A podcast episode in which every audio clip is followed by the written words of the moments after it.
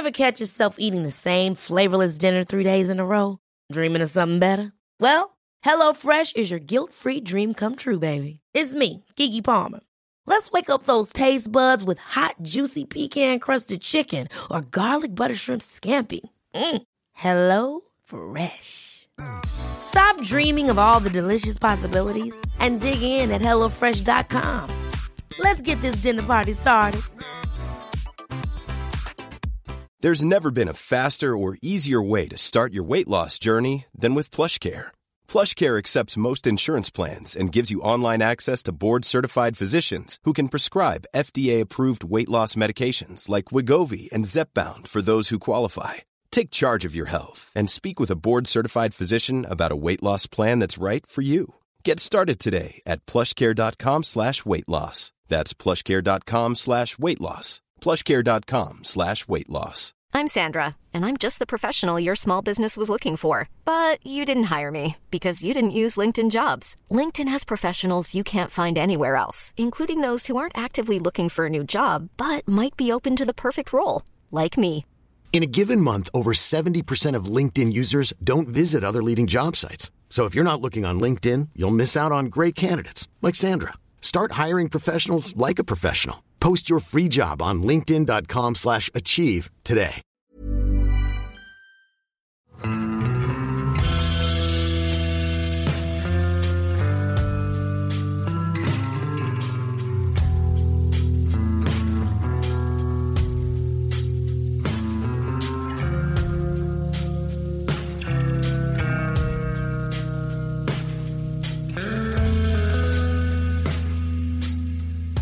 Hei og velkommen til podkasten Uteliv. Jeg står fortsatt sammen med Lars Nilsen på fisketur ved en bekk i et av Oslos nærområder, men nå er det litt mer landlig. Eh, Det er en bever som har herja noe aldeles voldsomt. Dette må vi kalle en, det er ikke en beverdam, det er en beverkanal. Ja, Det er en slags sump vi står i, vil jeg egentlig si. Ja. Og ja, Du sa nettopp, var det Sverre M. Fjelstad som fikk beveren reintrodusert her? ja, han, eh, i hvert fall det jeg kjenner til, så fikk han, eh, var i hvert fall en sterk pådriver med å få, vi si, reintrodusere bever på Østlandet. Og det har jo vært, som vi ser her, ganske vellykka. Ja, Det er en svært tilpasningsdyktig art, i likhet med ørreten, må vi kunne si. Eh, Nå er det jo slutten av april, og eh, Lars og Lars er nettopp i gang med en ny sesong med blogg-TV. Første episode vendte tilbake dit egentlig det hele starta med Frognerparken. Og i går var det ganske mange i Frognerdammen og fiska, ikke sant? Ja, det var eh, Jeg var forbi Frognerparken i går, og det sto Jeg tror det sto til sammen 20 mennesker der med fiskestang. Og det, det må vel si at det var et uh, direkte produkt av at uh, Lent fikk en halvmeter lang ørret der, som ble da lagt ut på VGTV dagen før. Så eh, Men du kan si Men her, dette området her, det, dette her kan vi ikke avsløre, for dette er så lite. Nei, bare fleipen, men eh, det er, det, Vi vet jo hva som skjer når vi gjør sånne ting, men eh, du kan si Frognerparken og Frognerdammene, det er jo ikke noe Det er jo ikke noe akkurat sted som eh, For det første det tåler ganske bra fisketrykk der.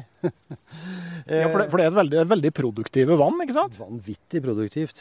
Ja. Eh, folk tror det er fordi folk kaster brødsmuler og sånn ute i vannet der, men eh, hovedårsaken til at Frognerdammene er veldig produktive, er fordi det er eh, enorme mengder løv som råtner på bunnen der hvert eneste år. Og så har du så mye oksygenrikt vann som kommer inn i, i bekken fra Sognsvann, slik at du Altså blandingen av nok oksygen og masse hva skal vi si, gjødsling, da. Det gjør at det er et veldig rikt insektliv, eh, i hvert fall på de artene som er der. Og så har de jo litt sånn eh, såkalte næringssalter kanskje fra noen eh, overvannsledninger og sånt noe, men det er i hvert fall Altså jeg velger påstanden at det kanskje er Oslos Oslo-områdets mest produktive fiskedammer, altså, eller vann. Eh, Men allikevel, det er ikke noe favorittsted som jeg jo frekventerer så veldig ofte. Pluss at det er ikke så mange som Og det er også bare tull, for jeg har spist fisken her. Den smaker helt ålreit, i hvert fall hvis du tar den når det er kaldt i vannet. Men eh, de fleste som fisker her, gjør det litt på gøy, da. Eh, og du kan si for ørretens del så er det nok predasjon fra gjedde og svær abbor, som også fins der.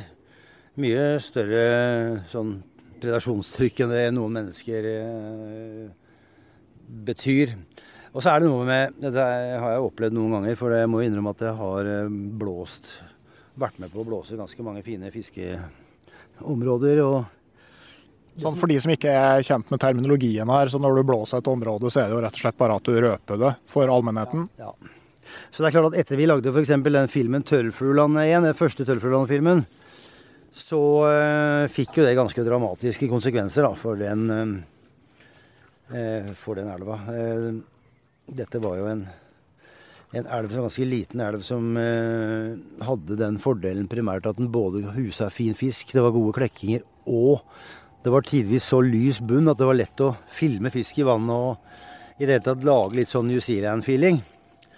Så Men eh, dette her gjorde vi jo før Skal ikke si før internett kom, men før det ble veldig sånn populært, eller før Facebook og disse greiene. Det var, spredningen av informasjon var relativt liten, men vi klarte å holde Vi holdt fullstendig kjeft om hvor det var, og det holdt i ett år. Og det var sånn hvis jeg og Lent var på byen og sånn, jeg husker særlig én episode, så kom det en fyr bort til barna og sånn Ålreit, gutter. Free, free, drinks hele kvelden og natta, pluss så la han 5000 lapper på bordet. Lilla penger. Tell me about it. Jeg holder kjeft. Men det morsomste var jo da eh, Bård, han er kompis med han Ole Gunnar Solskjær. Så han hadde ringt Bård og lurt på hvor dette her var. Og da veit jeg ikke om Bård visste det, men han, han, spurte i hvert fall Lars om det var greit om han sa det til Ole Gunnar. Um, nei. Lars er ikke verken Molde- eller ManU-fan, aner meg? Nei, jeg holder med Arsenal, vet du. Men dette var jo før eh, Ja, ja. Nei, det var kanskje noe der. Men nei, vi holdt helt kjeft. Men det var jo selvfølgelig en kar som fant det ut da, og la ut bilder på nettet og hele greia. Og det var sånn da at året, da to år etter vi hadde lansert den filmen, så ble jo Dalsbygda, hvor hun bor, hun, eh, hvor hun kommer fra, hun med leppa, hun eh, skiløperen. Therese Johaug? Ja. Hun ble jo det, altså Den dalen ble invadert, bokstavelig talt. Altså det kom hundrevis av sånne uh, karer. Så det var jo liksom helt i starten av disse nye vaderne. Alle, alle gikk med sånne Sims-vadere. Alle gikk med sånne pilotso eller sånne solbriller med, som lå inntil eh, ansiktet, og caps. Og de hadde det til felles at de kjørte SUV og var jævlig alvorlige. Gravalvorlige. Eh, så de eh, folka som bodde i denne dalen, hadde jo det hadde jo vært en eller annen fisker der før. Liksom, de, og de ante jo ingenting om filmen vår. Så de skjønte jo ingenting. Og da kosta det jo 20 kroner med fiskekort og men da var det visstnok helt ville tilstander. Altså var folk sloss omtrent. Eh, ja, det var skikkelig dårlig stemning. Og, og, det pågikk ganske lenge. Så der måtte de jo begynne med fangstbegrensninger og, ja, og dyre fiskekort. Og, så det, det var jo på mange måter en trist, trist sak, det da. Men, eh, For det er jo det store dilemmaet når man lever av å formidle naturopplevelser. Kanskje spesielt fiske står i en særstilling fordi at en del eh, habitater er veldig fort gjort å ødelegge. Trikset er å fortelle veldig mye om ting som er sånn semibra, og så har du gule for deg sjøl. Men ja. det blir, det blir oppdaga, det òg, vet du. Ja, i hvert fall hvis du, hvis du, tar bilder av ting, så er det jo uh, utroligste folk klarer å oppspore i dag. Da. Men det som er veldig typisk, som jeg har opplevd mange ganger, det er at folk kommer til et sted, og så, som er Og i hvert fall hvis det er begrenset vann eller altså små habitater, da, så er det jo De aller fleste, de, de, får jo ikke fisk. De får jo ikke noe Jeg tror ikke det var så mange fisk som ble tatt i Frognerparken i går. Men, så du har et sånt veldig trykk i starten. Og så kommer du da til et sted hvor du ser at det er masse folk, og, og det er helt sånn kaos. Og da tenker du sånn Nei, dette er kjørt. Det gidder vi ikke. Og, eh, og, hvis du ikke får den effekten, så kan du lage den effekten. Skal jeg fortelle deg hvordan? Ja, det, nå er jeg interessert. Ja. Da, hvis du har et, eh, et vann da, som er blitt blåst på en eller annen måte, um, uh, og du skjønner at uh, enten det står et sted, eller uh, gjerne en artikkel eller på nett eller et eller annet, Hvis du setter opp, la oss si et sånt eh, et, et oversiktlig vann, da. Hvis du setter opp 40 sånne Y-kjepper på myra, og så lager du et bål, og oppi det der bålet så da lar du masse skrot ligge, og gjerne noe Hvis du får tak i noen polske spritflasker som er tomme, og ølbokser som er sånn tydelig smuglevare, så slenger du et par sånne på myra der. Da har du gjort jobben. Ja, for det er enten så snur folk i døra, eller så gir de seg mye fortere enn det. For Sjøl på de gode plassene så må du ofte være litt tålmodig før det skjer noe, ikke sant? Ja, det er derfor det er bra. Ja. Det, er jo, det er jo ingen steder du kan bare gå og komme og bare ha bonanza. Altså Hvis du skal trekke det her enda et steg videre, så lager du, du et blogginnlegg om det sjøl etterpå. At fyttegrisen, hva var det som skjedde med Hvorfor blåste vi det her? Skal ikke se bort fra det kommer. Men altså, du kan jo se Kroneksempelet er jo den ene store ørreten som Monsen fikk, eller var det broren hans som fikk opp i Røa. eh, hvor de da fikk én svær ørret. og, og, og den fisken, eh, den tror jeg har tiltrukket altså Vi snakker 10 000 minst, liksom som eh, som, eh, så, men ja, det, er, der er et dilemma. For skal du lage gode artikler, i hvert fall i våre dager, og sånt, og det, så må man jo si litt om hvor man, eh, hvor man fanger ting. Da. Men, men det, jeg tenker sånn Det er så mye å ta av. hvis, man, altså, hvis du liker å fiske på stillevann da, i Norge, så er det så mange muligheter. Og det er et sånt merkelig trykk og press og interesse for å drive og fiske i disse elvene som er langs veiene, og gjerne hvor fiskekortet koster 900 kroner dagen. Sånn Hemsila og disse stedene her sånn, som er sånne Donald Duck-turistmaskiner hvor du skal Og det er jo fine fisker der, og teknisk interessant fiske, men hvis du er villig til å bevege deg litt utover det, så blir det jo, i hvert fall det er min opplevelse, færre og færre. Ja, jeg tenker på alle fiskere generelt er stort sett veldig lite villige til å gå. Heldigvis for min del er laksefiskere enda mindre villige til å gå. Jeg oppdaga i Gaula at det er helt vanlig å kjøre 200 meter fra campingvogna til fiskeplassen. Og hvis du da går fem timer innover vidda, så, så jeg, du kan egentlig skrive ganske åpent om det uten at det kommer noe mer folk. Jeg snakka med Jeg var oppe i Lierne for noen år siden og, og snakka med fjelloppsynsmannen i, var det i Sørli eller nordlig. Og, og han, fortalte, han mente at det skjedde et eller annet mellom 2005 og 2010. Eh, som, eh, for der oppe var det, var det, veldig vanlig at det var Altså det var ofte sånn far og sønn, eller en mann og to, eller far og to sønn, Altså, som kom og dro på telttur på fjellet en, en ukes tid og hadde med seg markdugg og slukstang og, og, og, og, dro da på den type ferie. Og, han sa da at det, den type fisketurisme, eh, i den grad du kan kalle det turisme, er totalt forsvunnet. Altså den kulturen da, er bare blitt borte. Og, eh, og, det kan jo mange årsaker til det, sikkert. Men at det, eh, folk gjerne vil ha sånn der instant glede, da, eller sånn der garantert suksess, eller Det er et eller annet med det. Eh, og da gjerne gjøre det som er bankers, eller du tror er bankers. Men det man må vite, er at alle de der tingene som både jeg viser fram, og du viser fram Du viser fram Altså en, et mikrosekund av en time på det du har brukt i research og jobb og, og, på en måte Og sånn er jo TV, og sånn er jo ofte sånne artikkelgreier. Og når folk da i tillegg får vidvinkel, så kan du holde fram en halv kilos fisk, så ser det ut som den er to kilo. Ja, og så er det noe med den der gleden over å ha dratt på oppdagelsesferd, og så viser det seg at det, ja, det, du hadde faktisk litt rett. Det her var, det her var lurt.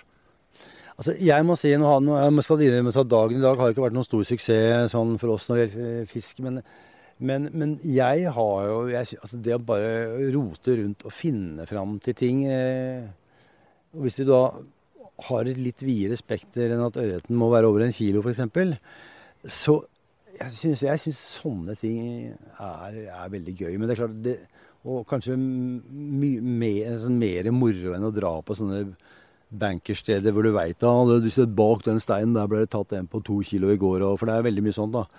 Eh, og, men det, det, krever jo mye tid, da. Og så blir det våt på middag, har vi jo plumpa solid. Og, altså, så føler du deg litt sånn Hva gjør du? Hva, vi står jo nå ute i ja, Om ikke in the middle of nowhere, så er det sånn Det er ikke mange som fisker her sånn, tror jeg, i løpet av eh, et år. Men det er jo en veldig fascinerende tanke, da. ja, jeg syns det. For plutselig så er det noe her som ingen hadde forventa. Det er noe her, vet du. Det er ikke helt tilfeldig at vi står her, for å si det sånn. Så, så, og så er det noe med at det, eh, Altså, det er jo Jeg liker ting som er litt nerd, og dette her er jo det jeg sier litt sånn Ja, det er ganske nerd, da.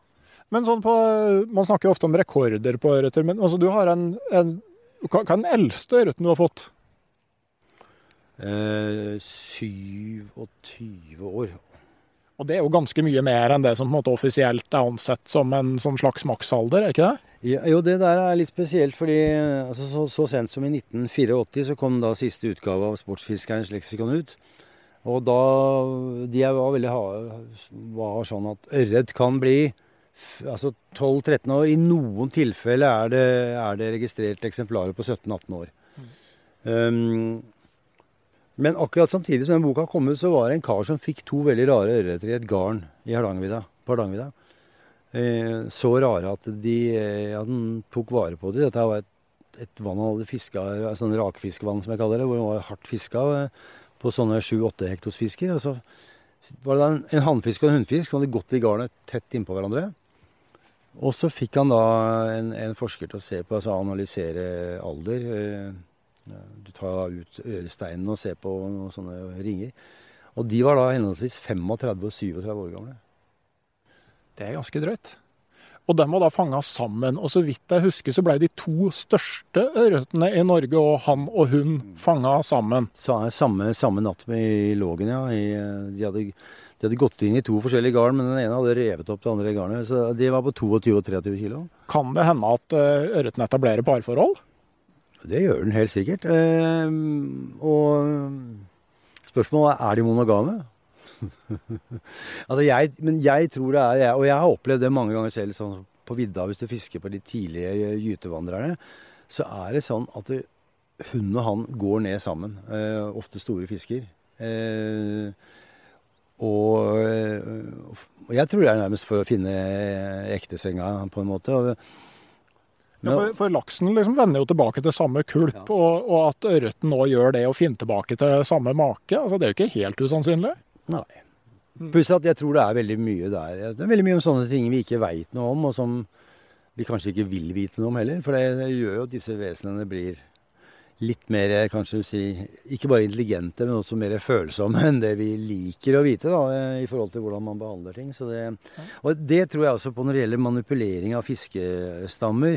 Dette med, med settefisk og sånn, i hvert fall i komplekse systemer, elvesystemer, eh, så viser det seg jo at disse settefiskene, de, de, de klarer det. Altså det er rett og slett penga rett ut av vinduet. Det, er, det blir ikke noe greie på det. og det det handler jo, tror jeg, om at det er en kompleksitet som ligger der. Altså, det er ikke tilfeldig at uh, ørreten har så mange rognkorn, og at det er, blir fisk av så og så mange av de.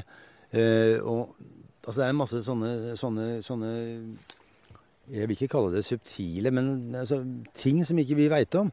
Noe annet er det å sette ut ørret eh, i et myrtjern eller små isolerte vann, eller for den saks skyld andre arter. men for der eh, altså, håper å si, Setter du ut en fisk i et akvarie, ja, det går jo ikke alltid bra det heller, men der er det på en måte ikke snakk om noen bestand eller noen predatorer som du må ha spesielle egenskaper for å kunne eh, bli sterk mot. da. Eh, så, så uh... Ja, for det har jo vært en intens ørretkultivering sånn røftlig fra krigen og fram til i dag. Altså Hvor mange millioner ørret er det som er satt ut i Nordmarka f.eks.? Eh, ja, hvor mange Hadde jeg tallet på det? Jeg, jeg lurer på om du hadde skrevet det. Men jeg mener det var snakk om et, sånn et par hundre tusen rognkorn i året som de ja, trengte? Ja, ja, ja ja. de, de, man regnet ut da man begynte å da Altså det som er påfallende, er at fiskekultivering i veldig stor grad har handlet om, om utsettinger. Eh, og, og, og, etter krigen så ville man gjøre Nordmarka til et, til et ørret-eldorado. Og, man gjorde, hadde fått en avtale med Løvenskiold og kommunene om å, om, å, om å, kultivere dette området og åpne det for mennesker, for sportsfiske. Eh, og da, man, da regnet man seg fram til, eh, på helt alt mystisk vis, at det, Behovet for settefisk var ca. 200 000 årlig. Eh, og eh, hvordan man gjorde det, det vet jeg ikke. Men det er ikke, ikke noe tvil om at det, at det, medførte mange steder at det ble veldig bra ørretfiske. Og hadde det ikke vært for utsettinger, så er det masse vann i marka nå hvor det ikke hadde vært ørret i det hele tatt. Men det er noe med at det, dette er en veldig finfølende balansegang i forhold til hva slags fisk du skal ha. Det er ikke noe problem å pøse uti masse fisk i et vann, og så overlever de. Men jeg syns jo det er rart at i vår tid hvor det er sånn som i marka nå, så er det, det er så mye småørret overalt at det er helt forferdelig. At det er eh, Altså, begrensningens kunst fins ikke. Pluss at altså, analyse altså, Disse vannene er jo så forskjellige, og, og, selv om man da Og det endrer seg hele tiden. og Heller enn en føre-var-politikk i forhold til uh, utsettinger, så, så, er det ofte altså, få ut mest mulig.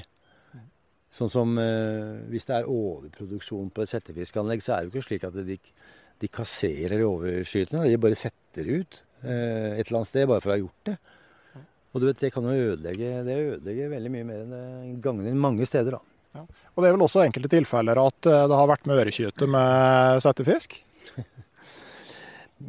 altså I Norge så lagde man et sentralanlegg for settefisk i forbindelse med kraftproduksjon. Eh, det ble etablert på slutten av 50-tallet. Og, og, det forsynte jo stort sett hele Sør-Norge med, med ørret. Eh, I hvert fall fjellområdene. Og én ting var at all ørreten, nesten all ørreten de, de ala opp der, var jo av dansk opprinnelse. Men at det var settefisk i dette anlegget, og at settefisk ble spredd derfra, det er helt tindrende klart. Men, ja, altså at det var settefisk, men at det var ørekjøtt? Ja, ja ørekjøtt, ja. ja. For den lokasjonen ble valgt et sted det, hvor det var masse ørekjøtt i, i, i, vannområdet fra før av. Og det var ikke noe filter eller noen ting som hindret disse å komme inn. Eh, og når du står og handler 10 000 sånne rødtyngel som er fingerlange i løpet av en dag, så er du ikke så veldig nøye med om det Du ser ikke forskjell, da. Pluss at på den tiden så trodde man ikke at det var noe farlig. Altså Man regna med at disse fiskene de ville enten bli spist opp, eller de ville daue når de blir satt ut på 1000 meter, f.eks. Og så viste det seg at altså det, Man kunne jo tro at ørekytta skulle gi veldig masse ørretmat òg, og være positiv sånn sett, men det er ikke akkurat det som skjer? Nei, men øh, i begynnelsen så er det jo ikke det. For det, altså, de har jo da en spesiell evne til å formere seg, og de er veldig tolerante. og de det er jo ofte sånn når du setter ut en ny art på et nytt sted, så enten går den til grunne med en gang, eller så eksploderer den i antall. Og, og, det skjedde jo mange, mange steder. Men det er et eller annet med at at, at du, kommer til et punkt hvor det blir en form for balanse òg. Og, og, sånn som i Øvre Heimdalsvann, som er et sånt forskningsvann som man har brukt veldig mye, der mener jeg å ha lest at, at der det, har nå ørreten begynt å predatere ganske kraftig på ørretkjøttet. Og det gjorde det jo ikke da tidligere. fordi og det har jeg lurt på. Altså, hvorfor spiser ikke ørret mer ørrkyte? Hvorfor spiser den ikke mer abbor? For det er påfallende lite abbor som er å finne i ørretmager. Altså. Det er ikke alt som er så lett å vite. Men det er jo i hvert fall et sånn eh, veldig sånn eh, komplekst, eh, komplekse systemer. og vi har tidligere snakka litt om det der at når du får arter som røye eller sik, så, så fører det igjen til at at ørreten kan gå over på, på den slags diett og bli fryktelig stor. Mm. Uh, Men jeg må si, de der svære ørretene Jeg fikk jo du, jeg fikk ørret på 5,6 kilo i fjor. Fikk du med deg det? Nei, hvordan, hvordan da? Her. Nei, jeg var med Bekkevold og Dorga på, eller Trolla på Mjøsa. Og, men å si at det var jeg som fikk den, det er, altså det er sånn Neste napp, da er det Nilsen sin tur. Men da var jo... Jeg fiska laks i Alta en gang, og det ble, når jeg fikk fisk, så ble det sagt at jeg rodde nå på en laks, da. Ja, ja, ikke sant. Så, men da tenkte jeg sånn Det var jo en flott fisk, men altså, du har jo utstyr, du kan vinsje inn liksom Det var eh, Nei, det er ikke det er klart det å få en svær fisk Jeg syns alle ørreter over tre hekto som oppfører seg som en kul ørret, er, eh, er interessante å fiske på. Da. Men det er, det er, gøy å vite at det finnes mulighet for at en, en ordentlig sværing. Det vil alltid være. Men den der, den der evige jakten etter sånne store fisker, det, det har jeg brukt for mange timer sammen med Karl og Bekkevold på at jeg syns er interessant. altså. Ja, så du kjøper heller mindre håv? Ja, Det er varemerket til Lent, så det er viktig å ikke rote med rollene. Ja. Men jeg leste i eh, boka di om ørret at eh, det er estimert at det årlig fiskes mellom 15 og 20 tonn mjøsørret. Og jeg tenker meg, altså, det er jo eh, Mjøsa ville komme, eller Lågen da, ville jo komme veldig høyt opp på statistikken ja. over lakseelver på det viset her. Ja. Ja, det er ikke noe tvil om at Mjøsa er jo Det var jo en periode det var, så veldig dårlig ut, men de fant jo kilden til den der giftutslippene der etter hvert. og det, det er jo veldig produktivt. Det er jo et svært hav. Mjøsa er jo Hvis du veit hvor mye krøkle og lågåsild som svømmer uti der, så er det klart det er plass til mange ørreter. Men det rare med Mjøsa er at det fins jo ikke noen fiskeregler der. Det er, det er, jo, det er jo, helt anarki, og det, det, der må de gjøre. Jeg tror de må gjøre noe med det, for ellers så får de en Ja, de kan jo få en backlash. Og, men det, det, er gjort en del tiltak da, i, ved Hunderfossen f.eks., demningen der, som viser seg å fungere relativt bra. da. Ja, for I starten så var det ingen form for krav knytta til kraftverket ved Hunderfossen. Så det var bare noen tilfeldige lekkasjer som gjorde at ikke hele mjøsørretstammen eller hunderørretstammen ble utradert på kun kort tid. Ja, jeg tror de regna med at det var 25 individer igjen. ja. Før, og man, Den saken ble kjørt helt til Høyesterett før da kraftselskapet ble tvunget til å bygge trapp. Og øh, det var altså helt øh, Men øh, så kan man Man bygde trapp forbi fossen, men så tenkte man ikke på at både den fisken som blir da klekka på oversida av, av, demningen, og den fisken som ble oppågytt, den skal tilbake igjen til Mjøsa helst, hvis det her skal ha noe for seg. Ja, det er jo også en merkelig kortslutning, da. Og det er noe med at man har jo fram til nå bygd fisketrapper i Norge for å få fisken opp. Men ingen har tenkt Altså tanken om at skal, de skal tilbake igjen, den har jo vært mer eller mindre ikke-eksisterende. Eh, og man kan ikke tro at fisken går ned fisketrappa. Så dumme kan man ikke være. Men, eh, men så var det noe med det da, at før da de brukte tømmer, altså elvene som tømmerfløtingsveier, så var det jo slik at du åpna opp disse demningene ganske regelmessig for å få ut tømmer. og det fins jo sånne tømmerluker rundt omkring i alle gamle kraftverksdammer, men de slutta de å bruke på 80-tallet. Slik at man da gjorde en effektiv stenging kan du si, da, av de vandringsveiene som var ned.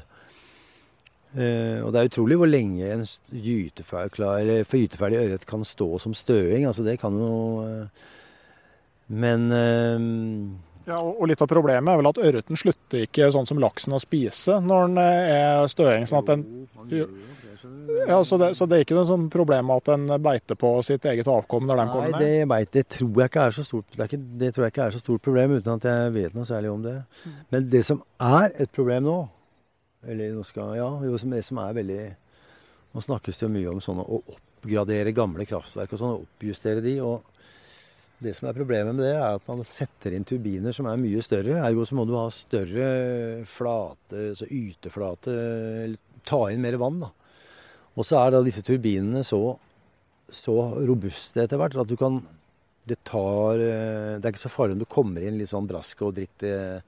Slik at det man kaller lysåpning, altså avstanden mellom gitterbarrene, har de nå ofte økt til 10 cm fra det halve, altså fem. Og dette her betyr jo at utgitt ørret f.eks. på 6-7 kilo kan faktisk da passere disse gitterne. Eh, samtidig så er disse turbinene så effektive at det, du nesten aldri har flommer lenger som går over damkronene. Så dette her snakker med at det, som da alle disse såkalt miljøfolka hiver seg på, om at oppjustering av gamle kraftverk, det er veldig bra. Det er eh, for fiskens del noe av det dummeste man kan gjøre. Og det er en sånn type kunnskap som ingen har eller sånn, Det har ikke vært noen som har snakka om det engang.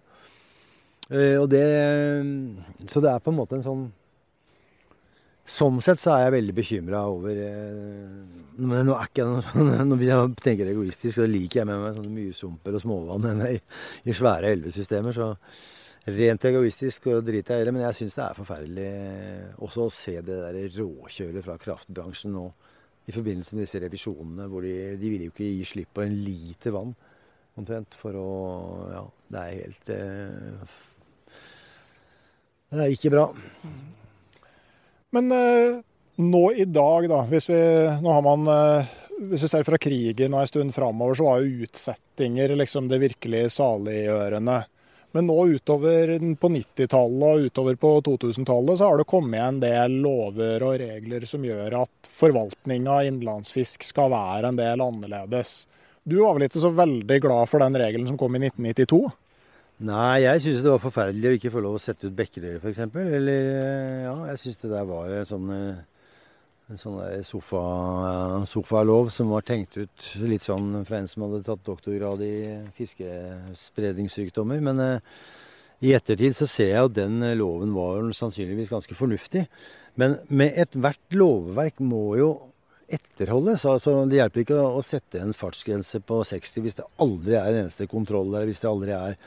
Altså, for bare å ta det stegvis. Den loven i, som kom i 1992, hva var det den uh, sa? Den på, uh, da kom det et pålegg om å bruke stedegne bestander. der du skulle, Hvis du skulle sette ut fisk, så skulle du ta det fra rogn og melke fra det samme vassdraget.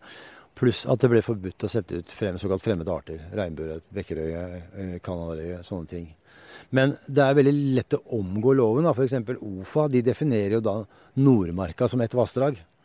Eh, det er satt ut røye faktisk i disse vannene, noen vann her inne. fordi det er påstått at det var noen røyebestander her på 50-60-tallet. Den røya kommer fra Nordmarka, så nå har de plutselig sagt at Oslomarka er ett vassdrag. Så disse definisjonene på vassdrag har da i vår tid etter hvert nå altså Det settes ut nesten like mye fisk nå som det gjorde for 20 år siden. Selv om da, selv om da kunnskap om det er blitt eh, mye tydeligere. Og, og, og, også den at det skal være eh, fangbar fisk for oss sportsfiskere i enhver liten myrkulp. Den ideen er vel i hvert fall sånn Det, ikke, det trenger ikke å være det lenger, for å si det sånn, politisk. Nei, for når eh, det kom, Hvilken lov var det som kom i 2007 eller 2009, da ferskvannsdirektivet ble implementert? Nå er ikke jeg noen jurist her, så nå merker jeg at jeg er på veldig svingende grunn. Men greia, disse lovene de har ingen konsekvens. Nei, for, for, eh, men bare sånn kort hva de sier, så er det vel det at altså når du forvalter et vassdrag, så er det på en måte på vassdragets premisser. Ja, og det er, det er, formelt forbudt å sette ut fisk, og du må søke om dispensasjon for det. Eh, for skal du gjøre det uansett, da. Men nå merker jeg at jeg nå driver jeg og kaster svære steiner i eget glasshus. For det er klart, når jeg sa det med myrputt, så er det jo sånn jeg, Hvis det ikke er ørret et sted, så vil jo jeg gjerne at det skal være det. Eh, I hvert fall hvis det er mulighet for at den kan overleve. Så, så det, det, er jo altså Det er ikke noe problem å skjønne beveggrunnen for å gjøre sånne ting, men det er noe med at, det, at den derre litt sånn totaltankegang om, om, om, om at, at et sunt vann er ikke nødvendigvis et eh, vann full av ørret, men det er tross alt et økosystem der fra før, da. Ja, for sånn som i dag, eh, både sånn i Oslomarka tror jeg, og i mitt nærområde, i Bymarka i Trondheim, så settes det ut ganske mye egentlig veldig stor ørret.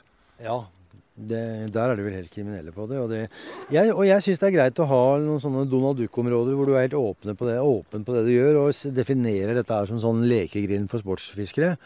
Selv om jeg ikke syns det er så morsomt å leke der, så er det kanskje noe med at jeg er blitt så gammel at jeg, jeg syns ikke lekegrenda på Ikea heller er noe særlig. Så, så, eh, men at det er noen sånne områder hvor det er eh, definert som det, det syns jeg for så vidt er helt ålreit. Men jeg syns også det burde vært noen sånne områder med regnbueørret, sånn som de har i Sverige. Haukansås f.eks.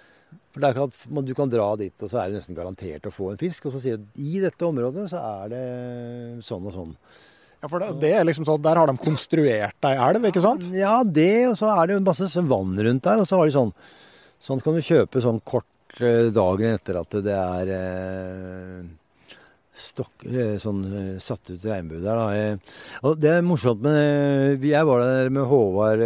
Vi lagde noen sånn blogg-TV-episoder derfra. Da, og da fiska vi på et sånt nystokka lite vann. da, og og de svenske gutta som var med oss, da, det var sånn der, hvis de fikk en fisk, så sa de ikke sånn 'se hvor stor den er'. Sånn, 'Kolla fenerna!' Altså 'se hvor fine finner den har'. Ja. For de har utvikla der eh, Der bruker de bare jorddammer til å lage da sånne tre-fire-fem hektos fisker. Og hvis du har relativt få fisker i en sånn jorddam, så blir det ikke noe finneslitasje. Så da kan du lage en idé om at denne fisken er eh, vi, vi, vil bedras, ikke sant? Ja, ja, ja. ja, ja. Det er klart at det er jo en sånn, det er jo en del av mennesket. Det er jo sånn det er, det. Men sånn helt hypotetisk sett, så klart. Det, det er jo ikke lov å flytte på ørret og sånn, men hvis man, hvis man vil lage seg sitt eget bitte lille private ørretparadis, hva er det man må tenke på da? Hypotetisk sett. Ja, Du mener fra starten av med gravemaskin? Og... Nei, jeg tenker mer at du kanskje finner en uh, pytt uh, som er fisketom. Ja. Jeg har hørt at det man kan gjøre da først, er i hvert fall det å undersøke om det i det hele tatt er levelige forhold for ørret. Og det Én ting er sånn, sånn med pH og sånn, det tror jeg ikke er så viktig. Men veldig mange sånne småvann de får oksygenmangel om vinteren. Og, men det, det, finner man ut. Men man må først foreta et etisk valg, da. Eller flere etiske valg. Punkt én vil jeg bryte loven, selv om ingen får vite om det. Eh, for det er jo ikke lov å gjøre. Punkt to vil jeg være ansvarlig for at jeg fucker opp et helt lite økosystem som er der i utgangspunktet. Uh, og det kan du jo si at det har jo mange gjort før deg, så det er Men uh, det bør du ta stilling til. Og så, hvis du da velger å gjøre det, da, så bør du da sette ut veldig få fisker. Uh, og så små som mulig, så unge som mulig. Og så må du holde helt kjeft om det. Og da mener jeg helt kjeft. Det én veit, veit ingen, og det to veit, veit alle? Det er nesten sånn. Før eller siden. Men samtidig, bare gjøre det der sånn bare for egen del. Ja, det er, det er moro, det. Men er, men du må jo være forberedt på at før eller siden så vil det bli oppdaga, da. Mm. Og så er det jo det at det er en del arter, til dels litt trua arter, som kun trives i dammer uten fisk, ikke sant? Ja, jo, jeg vet ikke om hvor trua de det, det er, Altså, jeg må si at jeg driter i det. Jeg går på en sti selv om det er maur, uh, mau som har lagd sine ferdselsveier der. Så det, akkurat det der, der er jeg så kynisk at jeg uh, men du kan jo gjøre ting for å booste energi, så, uh, insektproduksjonen der. Og, så det er mange måter å komme seg unna rent sånn moralsk på der også. Eh, ja. Hvordan booster man insektproduksjonen i et vann? Mm, hvis du har et tilløpsbekk f.eks., så kan man gjøre ting der som gjør at det, det blir mer. Men nå går vi litt langt inn på sånne rare ting. Men altså, jeg har jo lagd meg noen sånne dammer hvor, jeg for eksempel, hvor det er blitt hysteriske mengder med døgnfluenymfer. Eh, det er delvis fordi det ikke er fisk der, men også fordi jeg har lagd noen sånn sildrevannsystemer over sånne småsteiner. Som jeg veit at døgnfluenymfer trives veldig godt og produseres. Så det er mange måter å kaste bort tida på. Jeg tenker hvis, eh, hvis det var et norgesmesterskap i ørretnerderi, så hadde du i hvert fall kommet til finalen, Lars. Ja, jeg tror jeg begynner å aspirere mot det, i hvert fall. Jeg jeg ville prøvd å få medalje, men uh, ikke nødvendigvis på fangstteknikk, men på, på, litt sånn kunnskap rundt det. Så ja. Så har jeg litt å, begynner jeg å få litt kunnskap. Men det skulle bare mangle, da. Jeg er jo 60 år og har liksom gjort dette hele livet. da, så Nei, og eh, hvis eh, Altså, vi kunne jo stått her eh, til vi ble veldig kalde på beina i Myrvannet og snakka videre om ørret, men hvis man vil, vil, vite mer, så er jo den boka di Den heter vel bare 'Ørret', rett og slett. Og den Du finner link i episodeinfoen. Og så kan man gå på larsoglars.no. Ja. Er det sånn reklametid nå? Er det, ja, jeg tenkte det. Du tenkte det? Ja. Nei, så har jeg jo, har jeg jo skrevet da, det, altså det, er en årbok eh, som er kommet for Marians venner om, om Nordmarkas fiskehistorie. Den er ikke så lett å få tak i. Da må du ned på butikken Revir, er det eneste som selger den, faktisk. Eller du kan, du kan, sende meg en mail. Så kan du vel lese den på nett? Det går også an, ja. Ja, det stemmer det. Ja, ja. det da må du inn på Marians venner og se deg. Ja. Så, eh, Finn den òg via episodebeskrivelsen, kan jeg, kan jeg, love. Og hvis man liksom har lyst til å høre Lars Pralste enda mer om ørret, så er det jo bare å gå inn på Lars og Lars og bestille et foredrag, ikke sant? Det er også mulig, altså. Men, eh, men, når vi nå står her Vi starta jo dagen i, under ei jernbanebru og har vært innom noen containerområder. Nå ser jeg et hvitmalt våningshus, et gammelt, rødt, fint stabbur. Har vi flaks, så kommer en ulv gående ut av den, der, av den løypa der borte, den resten av skiløypa der borte. Ulv i skiløypa hadde jo vært det, og det er da beverdam. Det er folk som har sett ulv senest i fjor her sånn. Ja. Så nå er vi liksom litt ute i naturen på ekspedisjon. Eh, jeg tenkte, Hva er det høyeste over havet du har fått en ørret, forresten?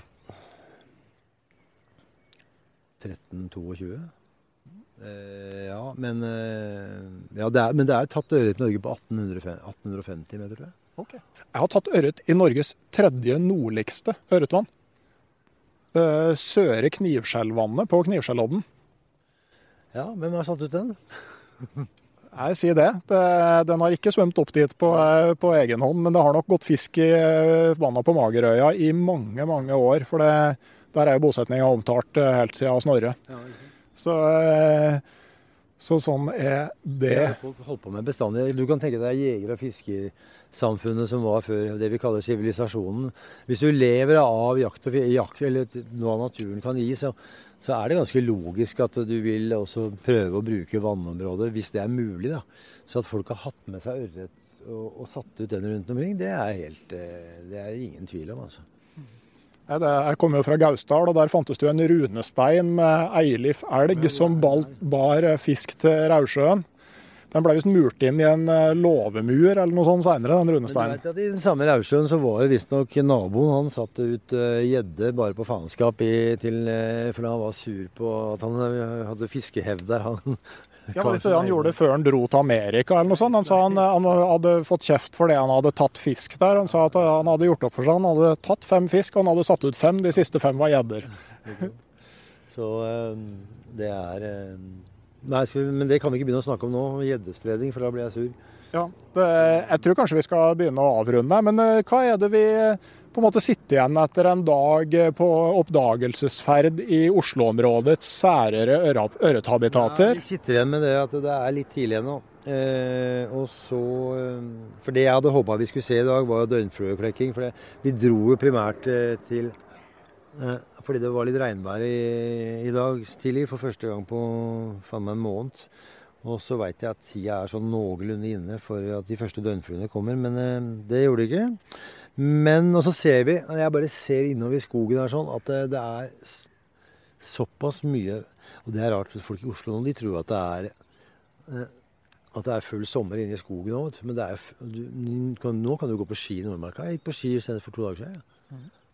Fin, eh, fin, årstid, da. Litt av hvert. Eller blir det bare en voldsom indre konflikt over ja. hva man skal bruke tida på? Ja, det blir, Jeg syns det som kommer nå, er egentlig Jeg gruer meg litt. Det blir alltid veldig mye nå, det er stress, altså. Det er sånn midtbanespiller som springer vilt imellom uten noen gang å få tak i ballen? Folk som sier at det der må altså, Hvis du er opptatt av fiske, og det må være sånn der, Og det må være så meditativt og rolig og fint å drive med. De har ikke skjønt hva det er som. Altså, det er Jeg syns det ofte kan være veldig mye så er, Man blir jo påvirket av alle disse informasjonskanalene. Da. Det er sånn eh, du kan jo ikke slå opp på Facebook eller noen ting uten at du bare får den kjempeørreten flashende rett inn. liksom. Det, og man kan jo ikke unngå sånt helt heller. Man kan ikke melde seg helt ut og bare leve i sin egen dam.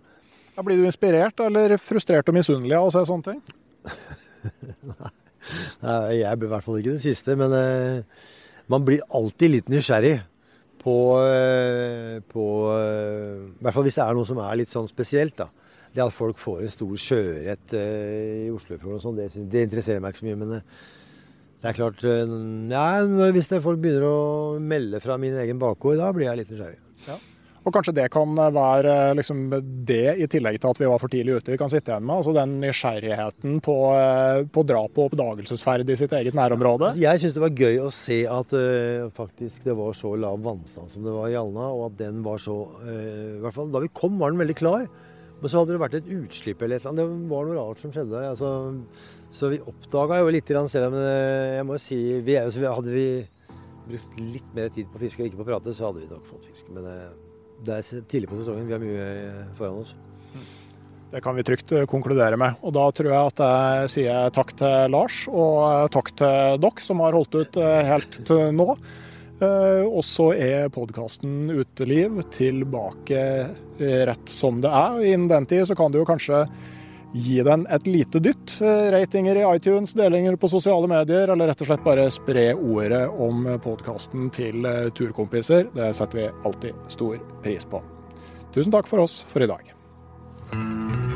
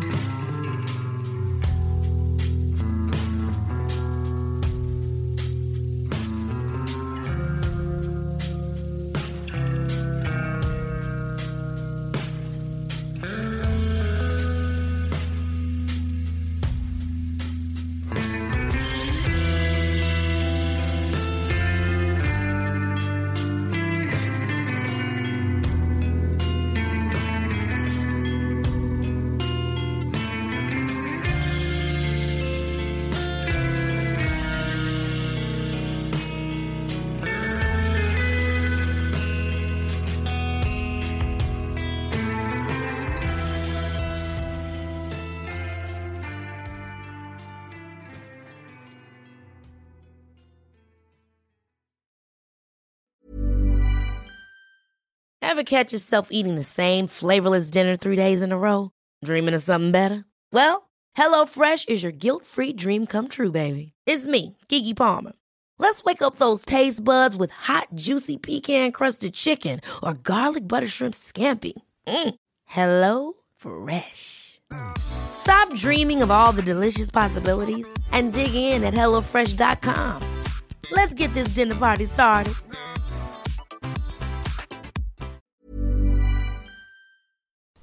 Hei, jeg heter Nore Helligsen og er daglig leder i Barents Outdoor. Det beste vi kan gjøre for planeten, er å redusere forbruket vårt og få mer ut av det utstyret vi allerede har. Men vi vet av erfaring at bruken av telt kan endre seg over tid. Det teltet du kjøpte for to år siden, passer kanskje ikke det behovet du har i dag. Derfor har vi i Barents etablert en egen panteordning der vi tar imot brukte telt av god kvalitet i innbytte når du kjøper et nytt av oss. Prosessen er enkel. På barentsoutdoor.no gir du oss informasjon om teltet du vil bytte inn. Basert på det får du et tilbud fra oss som gir deg rabatt på ditt neste Barentsprodukt. Mer info og betingelser finner du på barentsoutdoor.no. Og husk at den første reparasjonen på produkter fra Barents er alltid gratis.